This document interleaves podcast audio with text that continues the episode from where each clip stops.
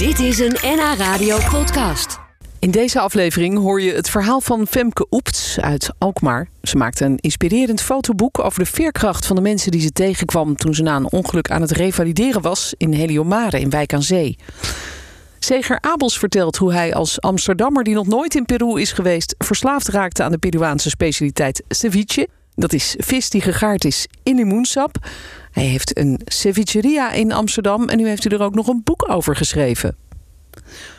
Maar eerst het bijzondere verhaal van Kemal Samat uit Zaandam. Hij groeide op in de Zaanse wijk Poelenburg en trad als kind al op tijdens bruiloften en familiefeestjes. Maar sinds hij meedeed met de Turkse versie van The Voice is hij ineens super succesvol in Turkije. In Nederland kan hij nog wel ongestoord over straat. Dat is in Turkije misschien wel anders. Ja, het uh, gaat aardig wel goed op dit moment. Maar uh, als we zo doorgaan, uh, Ja, dan heb je bodyguards niet dat het nodig. de goede kant op gaat op die manier. Ik heb al, je bent hier samen met een collega van mij, Tyra. Tyra Ja. de Groot. Die horen wij natuurlijk wel eens als verslaggever. Welkom, Tyra. Goedemiddag, hi. En jij bent hier, want jij hebt Kemal de afgelopen tijd gevolgd, gefilmd voor een documentaire over hem. Hè? Ja, klopt. Ja, we hebben meerdere afleveringen. Er komen er vier.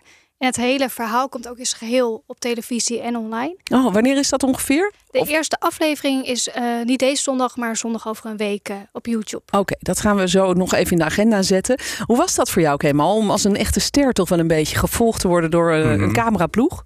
Uh, het was eigenlijk heel bijzonder. Uh, voor mij ook natuurlijk voor het eerst uh, dat ik in uh, Nederland op deze manier ben opgepakt. Dus ik wil Tyra heel erg bedanken hiervoor. In Turkije hebben wij natuurlijk heel veel projecten uitgebracht. En tot waar we nu zijn gekomen uh, zijn jaren voorbij. Alleen in Nederland was mijn droom ook eigenlijk om mijn uh, Turks getinte nummers, zeg maar, ook uh, op de Nederlandse radio's, maar ook op de media van Nederland te laten horen. Ja. Dus uh, Tyra speelt een heel belangrijke rol op dit moment in mijn leven. Ja, ja, zij gaat misschien wel bijdragen aan jouw doorbraak ook hier in Nederland. Dat kan uh, ja. aardig erin zitten, inderdaad. Ja.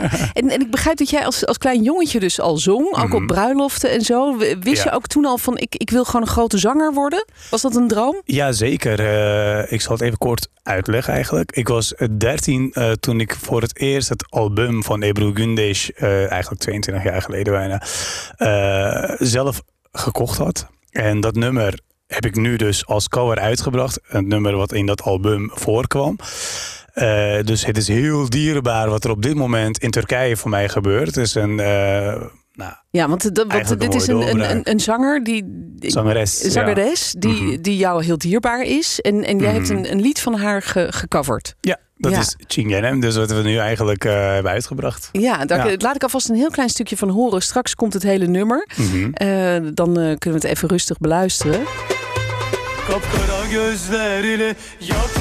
sineden Aşkınla tutuşup yandım çingenem Ja, ik, ik krijg persoonlijk, maar dit is misschien een beetje flauw om te zeggen. Ik krijg een beetje het gevoel van Tarkan hierbij. Ja. Weet je nog? Want ja, de- dat weten luisteraars denk ik allemaal nog wel. Mhm. Hè? Die, dat, we- Tarkan eh, was een eh, Turkse zanger, die, of is een Turkse zanger. Hij is nog steeds natuurlijk heel eh, groot en actief. Ja. Maar in Turkije was hij groot, maar wereldwijd was hij een megaster. En ook hier in Mhm. Nederland had hij... ja. ja, toch? Zeker weten. Ik hou ook van dit soort nummers hoor. Echt van dancemuziek, maar zeker Turks getint ook erbij, zeg maar. En Chingenem heeft ook dezelfde effecten, wel gemoderniseerd, zeg maar. Ja, Eh, maar Şımarık was in Turkije, maar ook in heel, overal. heel eh, Europa, heel Ja. wereld was het gewoon Ja. een mega hit. En was jij als klein jongetje ook fan van Tarkan en dat je dacht, nou wie weet word ik ooit wel zo groot? Ja, ik eh, kijk zeker op naar Tarkan, zeg maar. Ja, nog steeds wel hoor. In Turkije is Tarkan, als je een nummer één ster moet opnoemen, is dat Tarkan wel in Turkije. Wat hij dus heel goed doet, is ehm, hij kan heel mooi Turks klassiek zingen. Eigenlijk lopen wij op dezelfde weg wel, loop ik achter hem aan. Eh, Turks, als je Turks klassiek muziek kan zingen, een Turkse eh, spreekwoord is, eh, zegt ook wel, als je Turks klassiek muziek kan zingen, dan kan je alles op de wereld zingen, zeg maar. Ja? Het, is, is dat heel ja. moeilijk? Eh, Is dat... Heel moeilijk. Ja? Ja? dan heb je bijvoorbeeld met het nummer wat je in het begin hebt laten horen. Dat is een idiorum. Dat is een klassiek nummer. Begint heel laag. En dan heb je heel veel noten natuurlijk wat je eh, moet halen. En dan opeens heel hoog. Ja, ja. En Die afwisseling is juist heel, eh, afwisseling, heel, bereik, heel de kracht van je stem. De, hoe je je stem gebruikt en et cetera. Dat is natuurlijk heel belangrijk. Ja, maar is dat iets wat, je, wat jij hebt geleerd? Heb je daar een, een, een training voor gehad? Of, of is dat iets wat is aangeboren bij jou dat je dat heel makkelijk kan? Eh, ik zeg altijd, ehm, of je hebt een stem van geboorte, of je hebt het niet, zeg maar. Je kan het eh, niet... Ja, natuurlijk kun je wel aanleren, maar het is wel belangrijk dat je een eh, bepaalde kracht in je stem hebt. En zo word je wel geboren of niet geboren, zeg Ja. maar. En, eh, en wat daar heel moeilijk aan is, omdat die heel lage noten natuurlijk heel laag zijn en hoge noten heel hoog, maar je hebt er tussendoor ook heel veel andere noten wat ertussen valt. Ja, je moet wel een bepaalde barrière of een bereik in je stem hebben, maar ook kracht Ja. om dat allemaal waar te kunnen maken. En dat kun je zeker aanleren. Ja. Eh, maar Ja. ook, eh, daar moet je wel mee geboren zijn, zeg maar. Ja, en je zei net, Tarkan, jij bewandelt een beetje dezelfde weg als, als Tarkan. Mhm. Want wij kennen Tarkan natuurlijk van die hit hè, van Simerik Simerik. Ja. Maar hij is ook een zanger die echt Mhm. klassiek Turks eh, zingt. Zeker, Hele mooie klassiekers heeft gezongen. En, en ook een heel bijzondere stem heeft. Mhm. en, en dat is eigenlijk misschien ook wel de combinatie die jij doet. Dat je, want, want ik heb liedjes van jou gehoord die inderdaad heel klassiek Turks zijn. Maar ook veel modernere liedjes. eh, Ja. Met zelfs af en toe een beetje een soort eh, eh, rap erin. Of een soort achtige... Welke nou ja, niet echt rap, maar... nou, we gaan straks een, een nieuwe single van jou Mhm. horen. Maar zit- dat is heel Mhm. modern, is dat? Ja, wat ik heel belangrijk vind. Klassiek is heel mooi en dat wil ik ook heel graag terug horen in mijn nummers. Maar ik wil wel altijd, en daarom praat ik altijd met mijn producers er heel lang over. Nou, wat kunnen we ervan maken? Want het moet ook gemoderniseerd zijn. Het moet modern klinken. Ja, zodat ook de jeugd van nu Ja, het, zeker. het gaat draaien en het leuk vindt. Maar ik mezelf ook. Als ik ga trainen bijvoorbeeld, als ik ga fitnessen, als ik ga sporten, wil ik ook wel naar mezelf kunnen luisteren af en toe. En denken van oké, ja, lekker, lekker deuntje. En eh, hier kan ik het mee. Want het kan niet alleen maar op een bepaalde toon gaan lopen. Nee. Sommige nummers moeten op die manier, maar ik hou ook wel van eh, populaire nummers, zeg maar Ja, popmuziek. een beetje ja. popmuziek, Ja. dat is het eigenlijk. Wat ik ook net bedoelde. Ja. Een beetje poppy eh, liedjes, maar wel met een, een klassieke, eh, ja, eigenlijk basis. Achtergrond. ja. achtergrond. We gaan luisteren naar jouw nieuwe single. Nog eventjes, Tyra, want jij hebt Kemal dus ge- gefilmd. Dus we het zo nog even verder over hebben... wat jullie dan bijvoorbeeld allemaal samen hebben meegemaakt. Maar die, die documentaire die is blijkbaar nog niet helemaal af... want er wordt nog steeds gefilmd. Hè? Je filmt nu terwijl we, jullie binnenkwamen in de studio. dus eh, je bent nog... het is Ze work in filmen progress. alleen We maar. hebben inderdaad. vanochtend ook gefilmd. Dus de laatste dingen worden nu inderdaad gemaakt. En dat is ook omdat dit zijn eerste Nederlandse radiooptreden is. Dus dat is voor Camel heel speciaal. Ja, Ja, we hebben de primeur. Wat mooi. Ja, ja. En we gaan luisteren naar je nieuwe single. Nog een primeur. Eh Chingenem, zei je net. Wat? Chingenem, Chingenem. zigeuner. Zigeuner is Ja. dat, ja? En eh, waar gaat het liedje over? Waar, waar gaan we naar luisteren eigenlijk? Eh, nou, dit is een nummer. ehm gaat over een man die verliefd wordt op een zigeunermeisje. En hoe mooi ze kan dansen. En wanneer het nacht is, hoe ze kan stralen met haar dans. Daarom hebben wij ook in ons videoclip een hele belangrijke danseres, Didem, eh geselecteerd voor de videoclip. Omdat we dansshow wilden zien. ja. En daar hebben we inderdaad ook mee gewerkt. Maar het is echt een, een leuke zigeunersnummer, zeg maar. Echt een, zomerhit wel, ja. Een zomerhit, heerlijk. Ja. Nou, we gaan eh, luisteren naar Zingenem van Kemal Samat.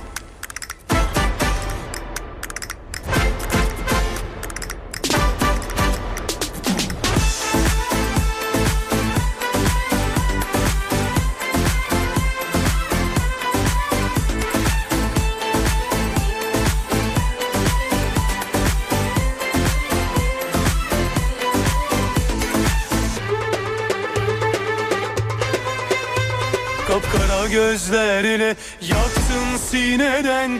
Aşkınla tutuşup yandım çingenem. Ruhumu koparıp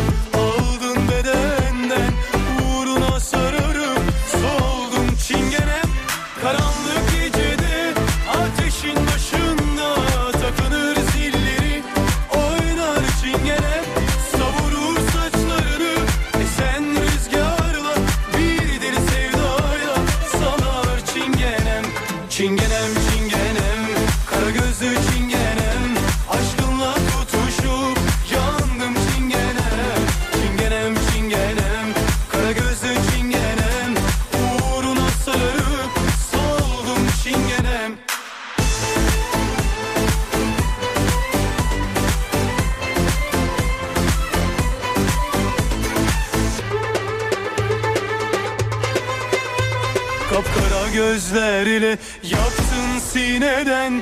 Aşkınla tutuşup Yandım çingenem. Ruhumu koparıp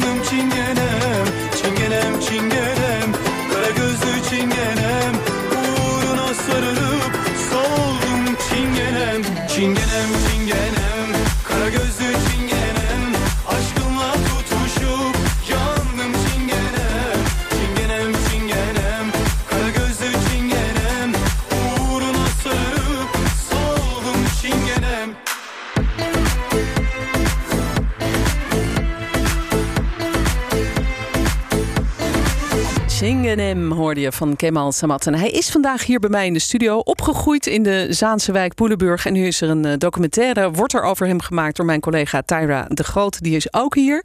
En je vertelde net dat dit liedje, je hebt dat nu uitgebracht, Singenem. Eh, het gaat dus over een uh, zigeunermeisje. Mhm.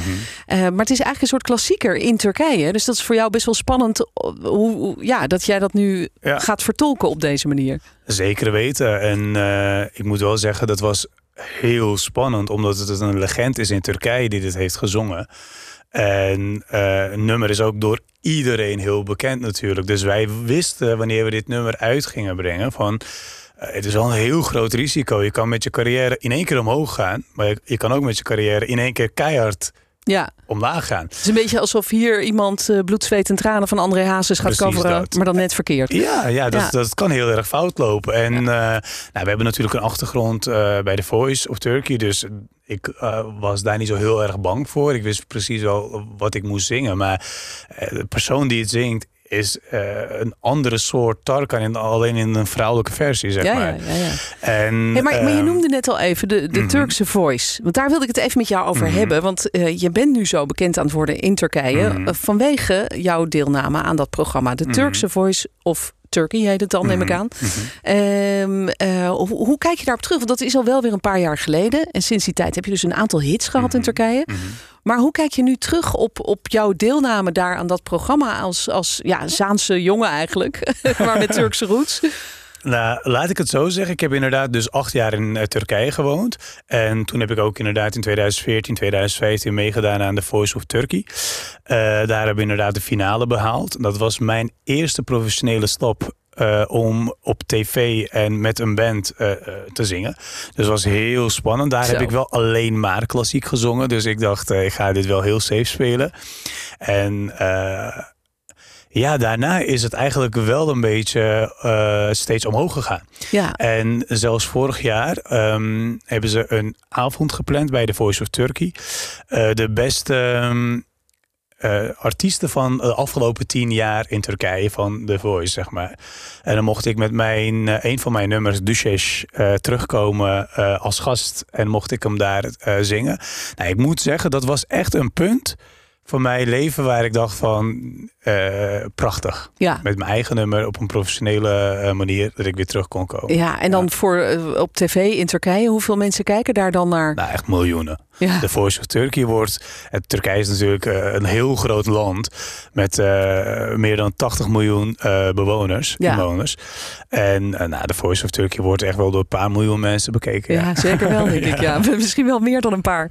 Ja, ja, wel heel bijzonder om mee te maken, lijkt me. Mhm. En dan kom je in Nederland en dan kent niemand jou. Of, of is dat aan het veranderen nu? nou, laat ik het zo zeggen. Ik vond dat in het begin wel heel fijn. Want in Turkije loopt het natuurlijk aanzienlijk op. Heel mooi natuurlijk, dat willen we ook. Alleen wanneer ik in Nederland ben, vind ik het fijn. Dat ik bijvoorbeeld rust heb. En dat ik gewoon eh, dingen kan doen wat ik op dit moment in Turkije minder kan doen. Eh, toen ben ik begonnen met een Nederlandse manager te werken, Thomas Perels, van TP Management. Ja, die zit hier ook. Die ja. zit hier ook inderdaad. Nou, die zei Kemal, dat gaat niet lang meer duren, want we gaan ook in Nederland even onze eh, kanalen aanzetten, want dit is gewoon een perfecte project wat er aankomt, Chingenem. En ik vind dat eh, de Nederlandse publiek ook mag weten dat wij in Turkije Ja. keihard bezig zijn. Ja, en ik denk dat veel Turkse, of dat veel Nederlanders ook die Turkse muziek heel leuk vinden, omdat we natuurlijk allemaal genoten hebben ja. van Tarkan. En Tyra, hoe kwam, hoe kwam het dat jij deze documentaire ging, ging maken? En wat hebben jullie, wat is er allemaal te zien straks in die, in die docu? Waar zijn jullie geweest samen? Ja, we zijn op heel veel plekken geweest. Eh, het eerste, het kwam omdat zijn zelf, dezelfde manager Thomas een mail stuurde naar ons. En toen dachten we, nou, ontzettend leuk. Hij woont toevallig in de buurt en dan kom je elkaar tegen, maar eigenlijk niet. Mhm. Dus toen dacht ik, nee, dat is ontzettend leuk om daar iets meer mee te doen dan alleen een nieuwsitem. Ja. Dus toen eh, hebben we eerst gesproken met een kopje koffie. En eh, eigenlijk zijn we al snel van, oké, de clip wordt gelanceerd. Dat was echt een paar dagen later. Klopt. Dus toen ben Ja. ik eh, naar zijn huis gegaan, waar zijn vrienden ook waren. Ben ik aanwezig geweest bij de lancering van zijn clip. Later zijn we nog naar de sportschool gegaan. We hebben heel veel beelden uit Turkije. Omdat zijn manager het heel serieus heeft genomen om beelden te schieten. Heel goed. Ja, hij was net ook weer aan het Beetje te filmen. serieus. nee, nee, nee. Dat is heel goed, denk ik hoor. Ja, ja je, hebt, je hebt het wel moet, een beetje moeten ontzien, hè, daar. eh. Nou, het was eh, ik- natuurlijk met geintjes erbij. Het was gewoon geweldig, maar ik merkte wel, eh, hij heeft een opdracht gekregen van Tyra van je moet veel filmen. En op een gegeven moment dreef ik me om en ik zei, To, oké, nu moeten we echt ophouden, want ik wil ook even lekker gewoon eten als het mag Ja. en ook gewoon slapen. Maar eh, hij heeft goed, goed zijn best gedaan. Ik denk dat het een mooie documentaire zal worden. Ja, ik denk het ook. Ik ben heel benieuwd daarnaar. We kunnen hem gaan bekijken vanaf volgende week Eh, zondag, ja. zondag. Dan wordt hij in zijn geheel uitgezonden. Ja, of dan gaat hij dan aflevering 1. Dus dat is ongeveer 7, 8 minuten. Die wordt om 11 uur gepubliceerd op ons YouTube-kanaal. En dan wordt er elke week één aflevering online gezet. En op het eind komen alle afleveringen worden samengevoegd. Ja. En dan krijg je een documentaire vorm. Dan is er een hele film. En, En eh, die ja. komt ook op televisie. Ah, dat is mooi. En die gaan we natuurlijk ook allemaal eh, zien via Facebook en noem maar op. Al onze eh, social media. Die ga jij natuurlijk ook delen. En dan gaan Zeker weten, jouw ja, Turkse tuurlijk. fans dat ook allemaal bekijken. Ik, denk ik ik. denk dat ze het heel leuk gaan vinden. Voor mij is het natuurlijk ook heel nieuw en bijzonder. Want eh, je ziet toch een samenvatting van je leven. En we zijn ook geweest met Tyra op het plek waar ik ben geboren. En schoolmeesterstraat. Ik kreeg hele rare herinnering- herinneringen voor me. En ik dacht van... Dankjewel Tyra. Was, was, eh, was heel bijzonder voor mij Ja, ook. maar wel leuke herinneringen hoop ik. Zeker. Ja. Ja. Alleen Ja, maar. We waren, er was nog een eh, winkeltje, een heel lief ja, dorpswinkeltje. Met eh, snoep Klopt. en kaas. Althans, de snoep was er niet meer. Nee. Eh, maar daar had Kemmel wel hele mooie herinneringen aan. Ja. Dus daar waren we even naar binnen. Ah, leuk. Daar ging jij als, eh, als kind de trektrop halen en de lollies en Ja, eh, nou, dat het soort was dingen. meer een krijt eh, snoep. Oh. ja. Goed, nou die documentaire wachten wij af, eh, vol spanning. En natuurlijk eh, ja, gaan we jou volgen. Eh, heel leuk dat je hier was. En eh, eh, ik wens je heel veel succes met, met alles. Nou, bedankt voor eh, de interesse en eh, voor de uitnodiging. Zeger Abels uit Monnikendam begon vijf jaar geleden vrij spontaan een pop-up restaurant in Amsterdam. Waar hij voornamelijk ceviche serveerde. Dat is vis gegaard in zuur. Het komt uit Peru. Het concept sloeg aan, want inmiddels heeft hij zijn eigen zaak, die heel toepasselijk ceviche heet. En hij schreef er een boek over. Maar wat is dat nou eigenlijk precies? Hoe maak je dat? De simpelste manier om het te zeggen, het is vis gegaard in zuur. Dus je, je pakt een bepaalde soort vis, vaak witvis. Eh, en dan maak je een letje de tigre. Dat is het eerste wat misschien al wat uitleg behoeft. Ja. Maar dat is het zuur, bijvoorbeeld limoensap, met allemaal lekkere smaken.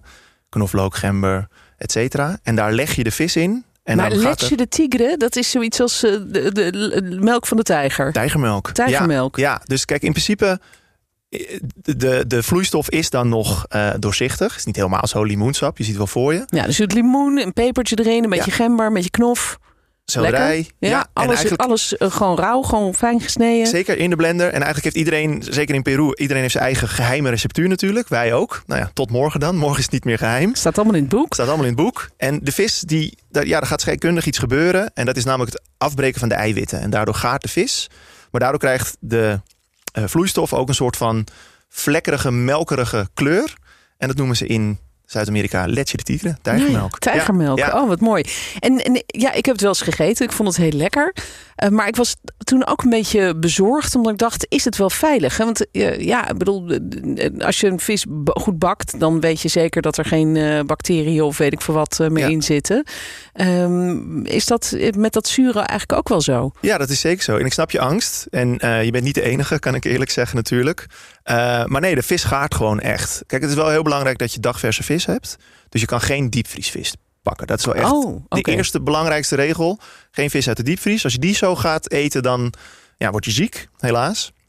Eh, als je dagverse vis hebt, nou ja, denk aan eh, wat al wat bekender is, de sashimi bij de sushi van de Japanner.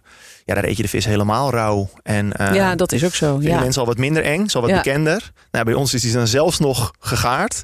Dus eh, ja, Ja. het is wel leuk. En, en daarin laten we mensen natuurlijk altijd wel vrij. Maar zelfs zwangere vrouwen kunnen het eten. Oh, Oké, ja. iedereen wil of durft dat. Nee, nee, ook nee. niet. Maar het is veilig in Absoluut. elk geval. Ja. Ja. Hey, en, en leg nou eens uit hoe jij als eh, nou ja, geboren getogen Monnikendammer wonend in Amsterdam eh, zo'n fascinatie voor dit Peruaanse gerecht hebt ontwikkeld. Ja, Want je bent daar niet geweest, begreep Nee, dat kwam niet door een tripje naar Peru, kan ik je Dat vertellen. Dat is, dat is de ontboezeming die ik toch altijd wel even moet doen. Ehm, ja, het was eigenlijk vrij rationeel, maar dan op een leuke manier wel. En, en eh, ja, het hele lange verhaal staat natuurlijk in het boek. Maar ehm, ik kreeg korte versie moment- dan. Ja, ik kreeg op een gegeven moment een kans. Ik mocht een pop-up restaurant in een saladebar starten. Had één groot nadeel. Er was geen afzuigkap. Ehm, en, en dat betekent eigenlijk automatisch dat je niet kan bakken, braden, grillen. Want dan Ja, staat ja. de hele zaak blank eh, van de rook. Dus ik eh, ben eigenlijk thuis heel simpel. Heb ik gegoogeld wat kan je koken zonder hitte. ja, zo gaan dingen soms. Zeker. Dit is grappig. maar toen ja. begon wel de fascinatie. Want toen vond ik dus een, een, een Amerikaans artikel over ceviche. Waarbij vis gaarde in zuur. En toen dacht ik van nou dat, dat geloof ik niet. Ben ik naar de visboer gegaan, kabeljauw gehaald. Ik heb een netje limoenen gehaald. En ik heb eh, vijf bakjes in mijn keuken gezet. En de eerste gaarde ik twee minuten en de laatste twintig. En daartussenin. En toen zag ik daadwerkelijk heel veel verschil in garing. En ja, toen was ik wel gefascineerd en gehoekt. Ja, verkocht. En, eh, ja. toen was ik echt verkocht. En, eh, en, da- en daarbij kwam heel, een heel mooi gegeven. Dat ik dus geen hitte nodig had om iets te bereiden. En dat betekende automatisch dat ik overal kon oppoppen. ja. Dus ja. van een kunstgalerij tot... Kijk, als ik maar een koeling had, snijplank, vis, limoenen. De basics. ben je Maar klaar. ik hoefde geen oven, geen gasfornuis, geen moeilijke dure materialen. Is dit ook waarom, het, waarom dat in Peru zo'n eh, populair eh, gerecht is? Nou, nee. Nee, dat... Ja, Hoe komt het? Eh, Wat is dat daar? Nou, in Ja. principe is het gewoon, kijk, het, het bewaren van vis, dus pekelen of zuren, dat is, dat is wereldwijd los van elkaar ontstaan. Dus het was gewoon een manier van het bewaren van, van de vis.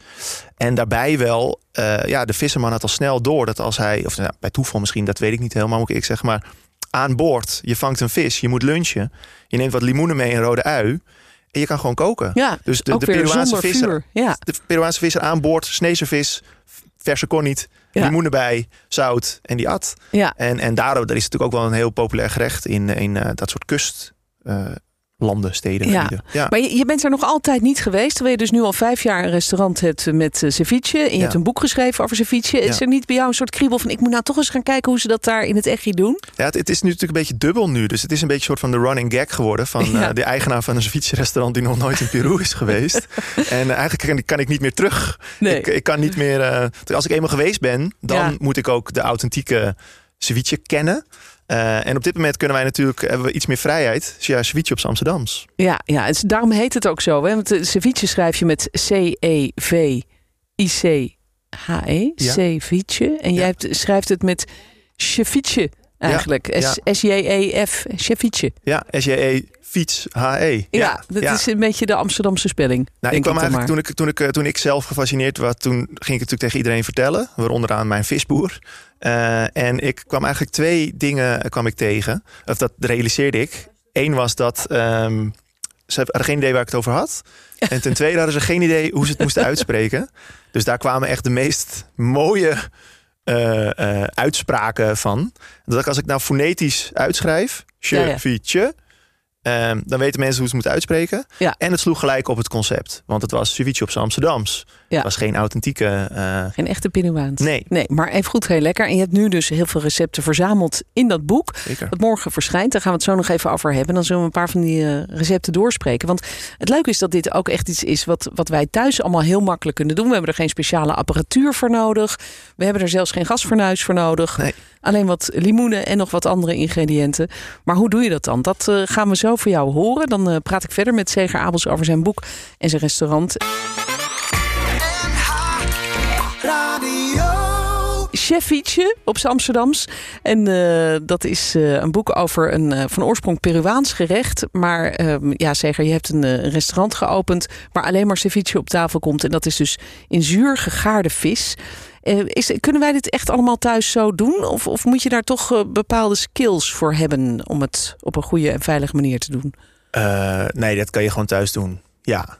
Ehm, de een kan het beter dan de ander. Daar, Ja. daar, de skills helpen natuurlijk. Maar je kan Maar- hem bijvoorbeeld niet te lang laten liggen in het zuur of te kort. Of, Ja, dat kan wel. Ja. En, en dat heeft effect. En hoe langer je hem laat liggen, hoe gaarder die wordt. Tot bijna ja, snot aan toe. Dat, dat wil vis niet. nee, dat is net En- als dat je hem te lang laat koken of bakken. Zeker. Ja. En, en ehm, dus, dus ja, het is natuurlijk een beetje bevooroordeeld. Maar met het boek kan je het zeker. Ja, ja. Ja, en, eh, en dan ik. zeggen we ook wel een beetje waar je op moet letten natuurlijk. Ja, en we krijgen heel veel reacties van luisteraars die het heel erg leuk vinden. Sommigen hebben er inderdaad er nog nooit van gehoord. Maar we krijgen ook een, een verhaal van een luisteraar die zegt... ja, ik ben er dol op. Ik vlieg er zelfs speciaal voor naar Peru.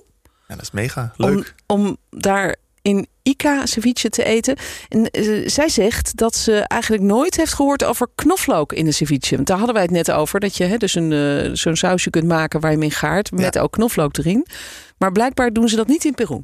Dat, dat, ja, dat is dan, eh, dan merk je al dat ik niet in Peru ben geweest. Ja, Ja. ja. wij doen het wel. En, en, en we vinden ook wel dat het echt wat toevoegt. Ehm, ik wist niet dat het bijvoorbeeld een gouden regel was dat het niet mag. Nee. En ik denk ook wel dat in Peru verschilt de leche de tigre natuurlijk ook eh, bij familie tot familie. Ja, dat zijn echt eh, misschien eh, van die recepten die ja. van generatie op generatie worden doorgegeven. En iedereen vindt de zijne natuurlijk de lekkerste. ja, uiteraard. Wat, wat is jouw favoriet uit het boek? Oef. Ehm, nou, mijn persoonlijke favoriet is de, is de Steffietje. Die is vernoemd naar Stefan, onze chef. Ah, Dus uh, ceviche Stefan Steffietje. ja. Ehm, die stond al best wel vroeg bij de pop-up op de kaart.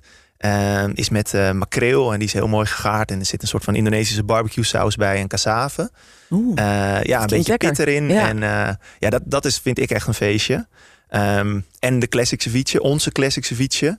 Ja, daar krijg ik ook nooit genoeg van. ja, wat is dat? Ja, dat is eigenlijk onze benadering, of de dichtstbijzijnde benadering op een klassieke ceviche, een Peruaanse. Ehm, en dat is dus dan ja, bij ons vaak dorade. Er zit hele mooie chulpa mais bij, een hele speciale soort eh mais. Ze hebben heel veel maissoorten in Peru. Eh, rode ui, lekker een beetje pit, eh, koriander. Ja, eigenlijk heel simpel, Ja. maar daardoor in zijn eenvoud ja, geweldig. ja, dat heb je met classics natuurlijk. hè? Absoluut. Ja. En met reden zijn ze classic. Ja, precies. Ja. Kun, kun je eigenlijk alle soorten vis daarvoor gebruiken? en, Ehm, en ook schelp- en schaaldieren? ik, ik, ik ben geneigd te zeggen nee. Maar ehm, we, je, hebt, je hebt vissen die er beter voor geschikt zijn dan andere, laat ik het zo zeggen. En ehm, witvis is, is sowieso heel goed geschikt. Ehm, zalm kan. Maar zeker ook bijvoorbeeld een kokkie. eh, als je het over schaal- en schelpdieren hebt. Ja? Eh, maar bijvoorbeeld een mossel gaart niet in zuur. Nee, nee. Dus je kan wel aan de gang met mosselen. Dan moet je wel eerst even eh, koken of Even stomen. voorkoken. Ja, en bijvoorbeeld bij zo'n kokkie erg opletten, want die is dus heel teer. Dus die moet je echt niet te lang laten liggen. Nee. Dus elke vis heeft weer zijn eigen aandacht nodig. Ja, ja, dat kan me voorstellen. Zo'n kokkie is snel, misschien gaat hij te ver. Zeker. Dat hij dan heel eh, snel een zelfs. beetje verpulvert eigenlijk. Zo'n ja, En dat is natuurlijk eeuwig zonde. Ja, nou er staan nog veel meer lekkere recepten in. En het bijzondere vond ik ook de El Toro Tiradito. Oké. Ja. Met Als reden goed zeg. bijzonder. Ja, Ja. Wat, wat is dat? Eh, toro is een bepaald eh, gedeelte van, van de tonijn. En eh, ja, dat, dat is een heel bijzonder stuk van de tonijn. En eh, ook heel duur. en daar, dat maakt hem natuurlijk al een beetje bijzonder en exclusief. Eh, dus deze is zeker niet voor dagelijks gebruik. En, Nee. eh, maar ja, het is een beetje het summum van de tonijn. En ehm, ja, dit, dit is onze take daarop, onze manier. En zo houden we hem heel erg in zijn, in zijn waarde. En ja, dit smelt op je tong. Dat is echt geweldig. Ja, Ja, leuk. Ja. En jullie hebben als eh, restaurant natuurlijk ook te maken gehad met de coronacrisis en de lockdowns. ja. Eh, en tijdens de eerste lockdown volgens mij hebben jullie iets bedacht. Want toen zijn jullie wel opengebleven voor eh takeaway, voor, voor afhalen. En toen hebben jullie een hot octopus in het leven geroepen. geïntroduceerd. En dat vond ik zo grappig klinken. Ja, Maar wat is het? ja dus, dus wij, wij, hebben, we zijn eh, erg gefocust op de ceviche natuurlijk. Maar we hebben ook wel andere gerechten op de kaart. Dus na de ceviche kan je een hoofdgerecht nemen. En een van onze dingen waar wij zelf heel blij mee zijn... en die we ook echt aan het perfectioneren zijn en waren... is, is eh, poolpo. Ehm, en toen kwam de lockdown en dan ga je toch denken van... wat kan je nou goed doen voor afhaal? Ja, dat is snel een broodje. Maar Ja. wij zijn geen broodjesrestaurant. En toen zijn we eigenlijk eh, geïnspireerd door eh, Roger Bloom. Is een van de city guys, misschien bij jullie bekend. Maar eh foodblogger, eet over de hele wereld. En zo ook in Miami. En eh, ja, wij, wij zijn gekomen tot een, een kruising tussen, tussen de, de octopus en de hotdog. En dat is de hot octopus geworden. Dus het is een geweldig brioche broodje, pulpo tentakel, onze eigen lekkere saus, een beetje augurk. Heel simpel, Het klinkt heerlijk. verslavend lekker. Heerlijk, Ja. heerlijk. Maar dat is dus ook een goeie. Zo'n eh, pulpo, dus octopus, die, die kun je natuurlijk ook mooi eh, in het zuur ge- zacht laten worden. Want dat kan nog wel eens, hè, als je het gewoon bakt, dan kan, kan zo'n pulpo nog wel eens een beetje taai zijn. Maar Ja, hij, hij gaat niet ceviche, dat, Oh. helaas. Nee. oh, dat kan Ehm, niet. Nee, hij moet wel dus eerst echt bereid worden. Oh, dat is net als met die mosselen. Hij, ja, hij en, en wij hebben er zelfs een heel hoofdstuk, hoofdstuk aan gewijd van hoe bereid ik pulpo perfect. Eh, dat is namelijk wel een kunst, want wat je zegt, het is snel een kauwgompje of. eh, Ja, En, en ja, dat wederom in het boek. nee, maar dat, dat is, wij hebben dat echt Ja. uitgevonden en eh, nu kun je dat thuis ook. En op deze manier dan heb je altijd perfect gegaarde pulpo. Zeger Abels hoorde je over zijn boek Ceviche. In het mooie fotoboek Overwinnen staan portretten en verhalen van mensen die na een ongeluk het roer om moesten gooien omdat ze niet meer konden doen wat ze altijd deden. Het boek is bedacht, gemaakt en uitgebracht door Femke Oept uit Alkmaar. En zij kwam die mensen tegen toen ze zelf na een ongeluk aan het revalideren was in Heliomare in Wijk aan Zee. Maar hoe kwam ze daar terecht? Ehm, nou, ik heb een eh, fietsongeval eh, gehad op eh, 9 oktober 2015. Ehm, ik weet daar zelf eigenlijk eh, niks meer van. Behalve wel precies die datum. Dat is die natuurlijk datum een soort staat in mijn geheugen gegrift. Ja, die datum vergeet ik niet meer. En ja, ik werd eh, wakker eh, in het ziekenhuis omdat ze aan mijn eh, arm stonden te trekken, heel bruut. En ja, nou ja, daar bleek ik ja, links aan mijn arm verlamd te zijn. En ook, nou ja, allerlei andere dingen, schroeven, moeren, van alles. Oh, en zo ben ik met heliomare in aanraking gekomen. Ja, en, en is jouw arm inmiddels weer helemaal hersteld? Of heb je toch nog daar een soort blijvende schade aan? Ja, daar heb ik eh, zeker eh, blijvende schade aan. Eh, de zenuwbanen zijn dusdanig ja, beschadigd geraakt. Ja, dat er toch nog wel wat onvoldoende kracht in zit. Arm Ja. kan niet helemaal omhoog, niet helemaal opzij. En ik heb eigenlijk wel elke dag pijn.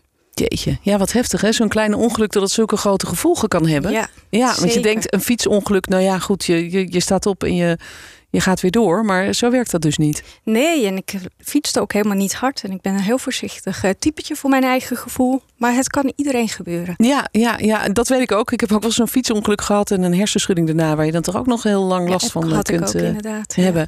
Maar jij was er echt best wel slecht aan toe, als ik het zo hoor, met allemaal eh, schroeven en dus een verlamming aan je arm. Ja. Eh, gooide dit jouw hele leven dat je op dat moment had eh, niet enorm overhoop? Ja, zeker. Ja, zeker. Ik zat eigenlijk eh, in de eindopdrachten voor de School voor Fotografie te Utrecht. Dus ik was ontzettend gepassioneerd met mijn eindopdrachten bezig.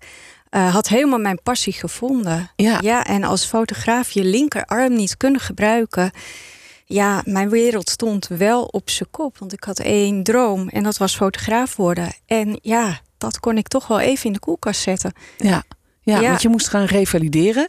En gelukkig kun je nu trouwens wel weer fotograferen. Want je hebt hier net in de studio ook een paar foto's staan maken. En de foto's die in het boek staan, die heb jij ook allemaal gemaakt, hè? Jazeker, ja die, Ja. ja. ja, die heb ik allemaal gemaakt met Ja. eh, heel veel eh, liefde en vol goede moed.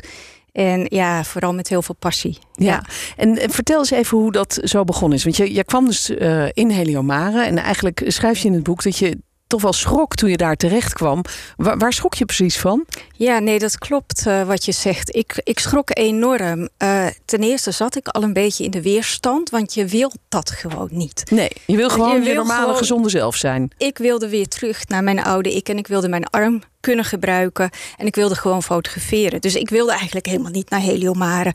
Dus ik kwam daar al schoorvoetend uh, met enige weerstand daar binnen. En ik, had, ik, ik was ook denk ik niet voorbereid. Ik had werkelijk nog nooit in mijn leven zoveel mensen in een rolstoel uh, gezien. Of mensen die hun benen niet kunnen gebruiken. Of hun benen slecht kunnen gebruiken. Um, dus toen ik daar binnenkwam, toen kreeg ik echt letterlijk zo'n bam, zo'n klap in mijn gezicht. En mijn eerste gedachtegang, ja, ik vond dat echt wel heel, heel naar om te zeggen, maar inmiddels kan ik daar gelukkig over praten. Mijn eerste gedachtegang was.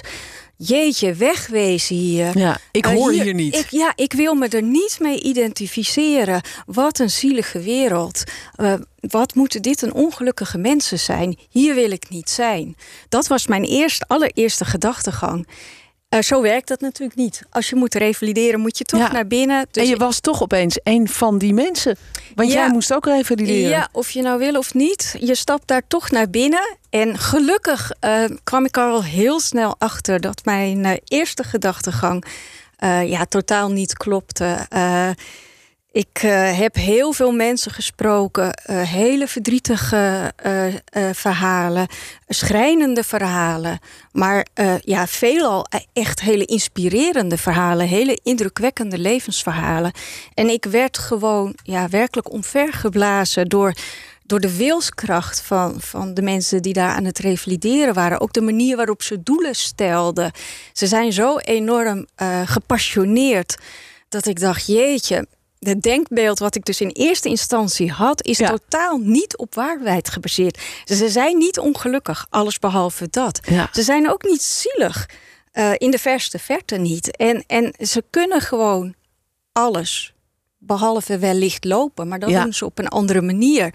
Dus ja, ze hebben mij enorm geïnspireerd. Ja, dat kan ik me voorstellen. En het is natuurlijk ook zo bijzonder dat je in zo'n wereldje, je zit als het ware in een soort kokon, afgesloten van de buitenwereld, ben je allemaal hard aan het werken aan je herstel.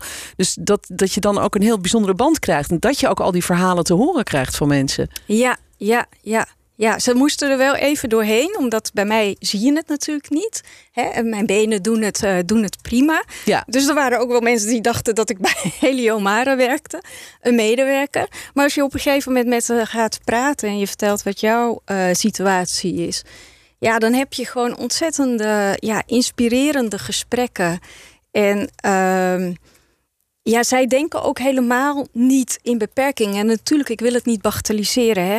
Ze zijn natuurlijk door een ontzettende nare periode gegaan. Ja. Veelal. En sommige mensen worden nooit meer helemaal beter. En sommigen worden nooit meer helemaal beter. Zullen misschien nooit meer kunnen lopen. Dat is natuurlijk ook wel heel Dus dat heel is heel heftig. Ja. Maar ze kunnen ook weer heel veel. En ze, ja, ze doen het op een andere manier. En het is gewoon zo mooi om te zien dat ze ja, wat zij allemaal eh, bereiken door, ja, door, door hun mentale weerbaarheid ook. Ze zijn zo enorm veerkrachtig. En ja. dat, uh, ja, Knap. dat siert ze. Ja, ja bijzonder. En uh, een van de uitspraken van die mensen die je gesproken hebt is ook... Uh, ik kan alles, ja, behalve lopen. Dat ja. vind ik ook een mooie, even een omdenkertje. Hey, ik kan alles behalve lopen. Dus uh, nou goed, meer over uh, de, de verhalen die je daar gehoord hebt en de mooie foto's die je gemaakt hebt, Femke, gaan we zo uh, bespreken. Dan praat ik nog even met je verder over het, het boek.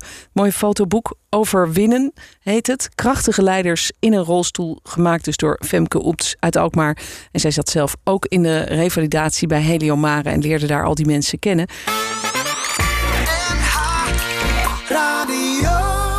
En eigenlijk door wat ze daar aantrof uh, aan, aan doorzettingsvermogen en bevlogenheid, raakte ze geïnspireerd om een boek te maken met foto's en korte levensbeschrijvingen, verhalen van, de, van de mensen die ze daar tegenkwam. Het boek heet Overwinnen. Krachtige leiders in een rolstoel. Want je vertelde ons net al even, Femke, toen je binnenkwam, dacht je: Oh, hier hoor ik niet bij bij deze zielige mensen die daar een beetje in een rolstoel zitten. Maar al snel kwam je erachter dat ze helemaal niet zielig zijn, maar heel sterk. En Klopt. krachtig. En ik kan me voorstellen dat de sfeer ook, hè, we hadden net wel even over dat kokonnetje waar je in zit in zo'n revalidatie, dat dat een heel bijzondere sfeer geeft eigenlijk. Ja, absoluut. Absoluut. Als je binnenkomt, dan verwacht je, althans dat was mijn verwachting, heel onterecht, maar mijn verwachting was jeetje, nou kom je echt een beetje in een bedompte sfeer eh, terecht. En dat is dus absoluut niet waar. Het schept natuurlijk ook onderling een band met elkaar.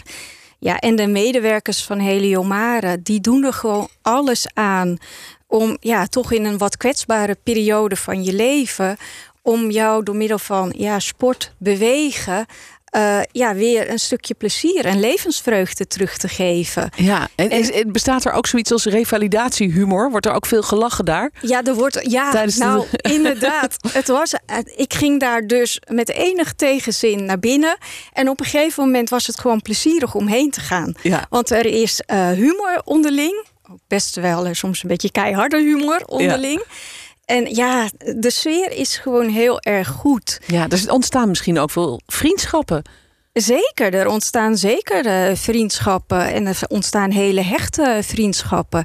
En het is gewoon heel mooi uh, om te zien uh, ja, hoe iedereen daar bezig is om ja, te herstellen. En Heliomare die ja, die doet er ook alles aan. Die zal echt niemand, echt niemand aan de zijlijn, zijlijn zetten. Nee. Iedereen doet mee. Het maakt niet uit uh, welke beperking je hebt. Ze zoeken naar uh, mogelijkheden. Zij kijken absoluut niet in beperkingen. Ja, ja, je bent ook misschien anders naar die mensen gaan kijken. In je boek staan ook verhalen van medewerkers. En ja, hoe, hoe, zij het ervaren. Uh, heb jij een ander beeld gekregen eigenlijk van, van wat zij allemaal doen? Ja, ik heb een. Uh, ja, ik heb een, nou, ik had er niet echt een beeld van, maar uh, ik heb er zeker een ander beeld van gekregen. Uh, ook zij zijn zo enorm gepassioneerd, echt vanuit hun hart. ja, om iedereen weer een plek in de maatschappij te geven, welke plek dat dan ook is, ja. dat maakt niet uit. Maar ja, zij zijn er echt voor jou en ze doen daar alles voor je. Dus ik, ik ben ze ook nog steeds heel erg dankbaar. En ja, het is, ze doen het echt gewoon heel erg goed. Ja, het boek is ook een beetje een ode aan die medewerkers daar van uh, Heliomare. En het komt op een goed moment eigenlijk. Want uh, we hebben net uh, de, de Paralympische sporters uitgezwaaid. Die zijn gisteren vertrokken naar Tokio. En in jouw boek staan een paar van die sporters ook met hun verhaal. Geert Schipper bijvoorbeeld. Ja. wat is zijn verhaal? Had, een, had hij niet een vliegtuigongeluk ja, gehad? Geert uh, heeft inderdaad, uh, uh, als ik het goed zeg, in Frankrijk een, een vliegtuigongeluk gehad. En ja, is daar dus, daardoor dus in een rolstoel terechtgekomen. En doet het ja, als topsporter enorm, enorm goed. Uh, net als, uh, als Margaret, die is ook paratriatleet. Margaret uh, Eidema, die ook ja. wel eens hier bij ons in de studio is ja, geweest. Die is inderdaad. ook bij jullie in de studio Ook een bijzonder verhaal, ja. Ook zij is onder een paard terechtgekomen. Ja, en zij, ja, zij zijn ja, echt, anders zit je ook niet bij Team NL. Zij zijn natuurlijk echt topsporters. Ja. Margaret doet alles op armkracht. Ja. Geweldig. 28 augustus wordt het uitgezonden. Ja, dan komen ze in actie tegen ja, middernacht Nederlandse ja. tijd. Dan ja. kunnen we naar ze gaan kijken. Dan doen ze de, de triathlon. En um, nou, heel bijzonder natuurlijk. Maar ik kan me voorstellen dat die mensen ook iets gemeen hebben. Wat misschien in de kern is ook van dit boek. Een soort, ja, toch een soort doorzettingsvermogen of veerkracht. Wat is dat? Nou, op een gegeven moment zag ik echt de rode draad in het boek. Ik werd gegrepen en werkelijk omvergeblazen. Inderdaad door hun doorzettingsvermogen en hun veerkracht. Maar later kwam ik erachter wat zij allemaal stuk voor stuk doen.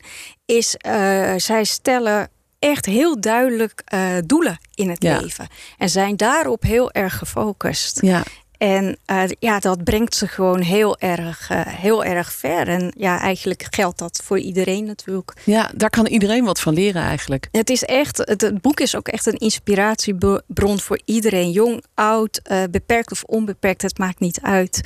Het is, ja, ze zijn één brok van inspiratie. En ja, ja het, zijn mooi. ook, het zijn ook mensen die weer Ehm, de regie over hun eigen leven hebben genomen. En eh, ja, vanuit vol goede moed en vanuit hun hart. En dat is ook gewoon heel mooi, vind ik. Femke Oeps hoorde uit Alkmaar. Het boek is te bestellen op Femke's website overwinnenboek.nl.